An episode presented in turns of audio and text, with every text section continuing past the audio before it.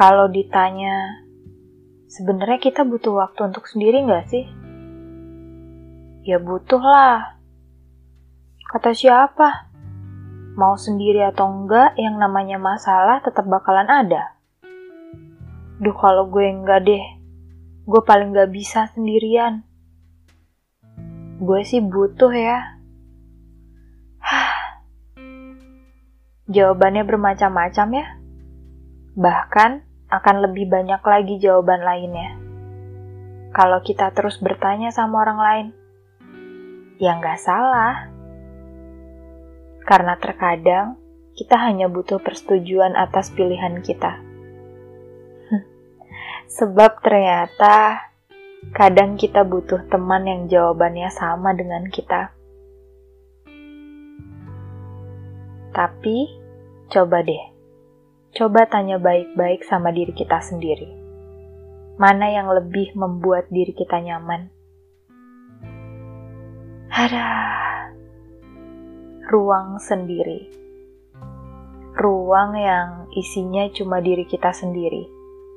Atau ruang yang isinya tubuh kita dan berbagai keluh kesah. Kenapa saya bilang keluh kesah? karena biasanya jarang ada yang bisa menyimpan bahagianya sendirian. Sadar atau enggak, kita selalu bisa menyimpan keluh kesah, bahkan perasaan sedih paling sedih sendirian. Iya, sendirian. Ternyata kita bisa sekuat itu ya. Dan selemah itu menghadapi kebahagiaannya sendiri. Padahal nggak salah kok buat berbagi tentang rasa sedih, itu nggak berarti kita lemah. Itu wajar. Ya, hal yang wajar sebagai manusia merasakan berbagai hal yang tidak menyenangkan. Dan itu bukan berarti apa yang kita rasakan itu adalah hal yang yang cuma kita yang rasain gitu. Mereka juga sama kayak kita Ya, karena banyak juga orang yang punya pilihan yang sama juga kayak kita, menyimpannya sendirian. Dan soal berbagi ini, memang harus sama orang yang tepat untuk kita, sama orang yang buat kita nyaman untuk berbagi.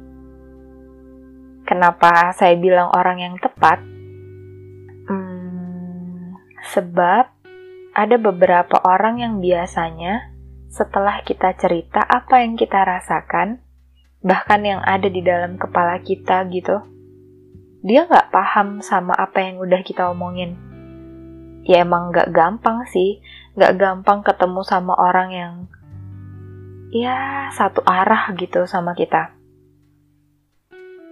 Tapi kalau itu masih dirasa sulit, bisa kita melakukan dengan hal lain, misalnya menuangkan ke sebuah tulisan.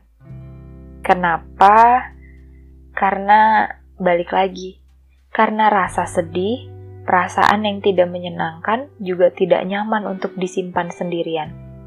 Sama kayak halnya rasa senang. Sekarang, balik lagi ke pertanyaan sebelumnya. Kita butuh nggak waktu untuk sendiri? Atau sebaliknya? Ya minimal kita punya prioritas untuk diri sendiri deh. Nggak bergantung sama rasa takut karena orang lain. Dan jawabannya, cuma diri kamu yang tahu. Ya, cuma diri kamu sendiri yang tahu semua apa yang kamu mau.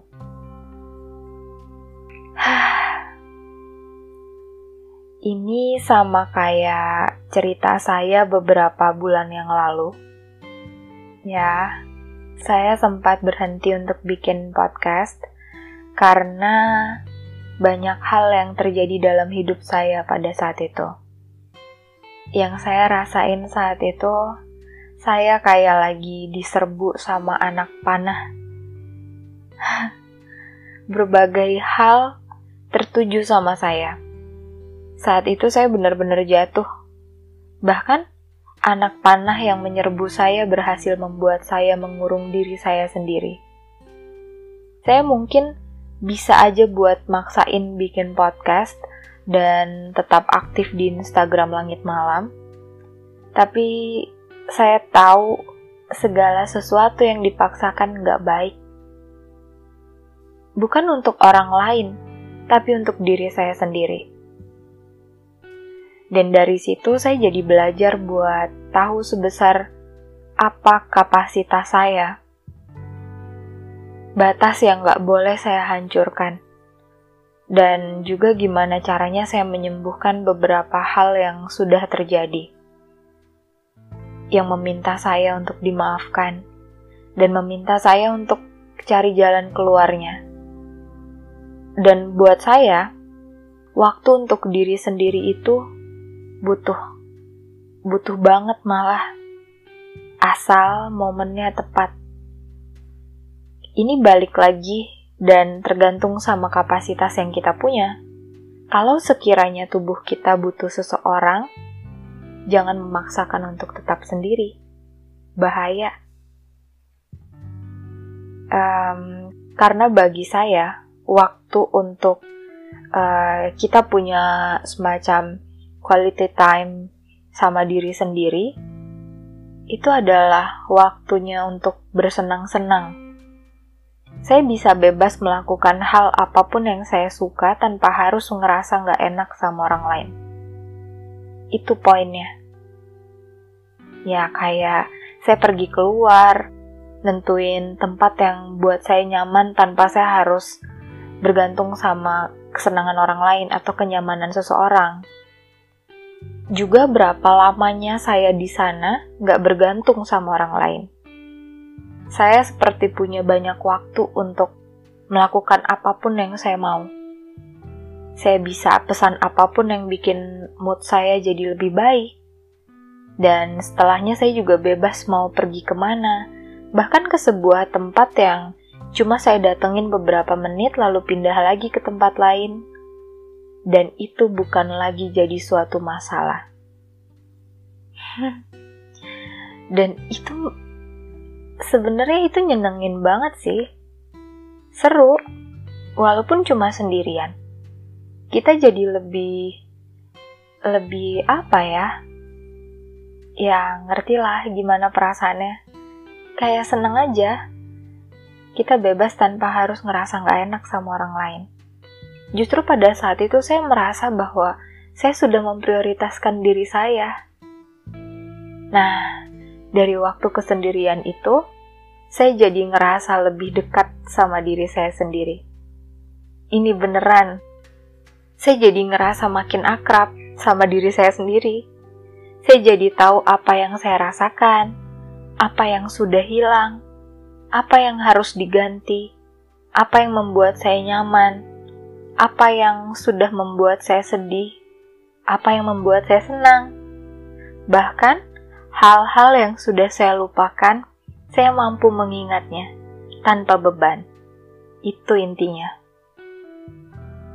Karena hidup saya berproses, perjalanan saya menjadi benteng luas tanpa batas, dan tubuh saya akan selalu menjadi tumpuan atas segala hal yang pernah terjadi dan yang belum terjadi.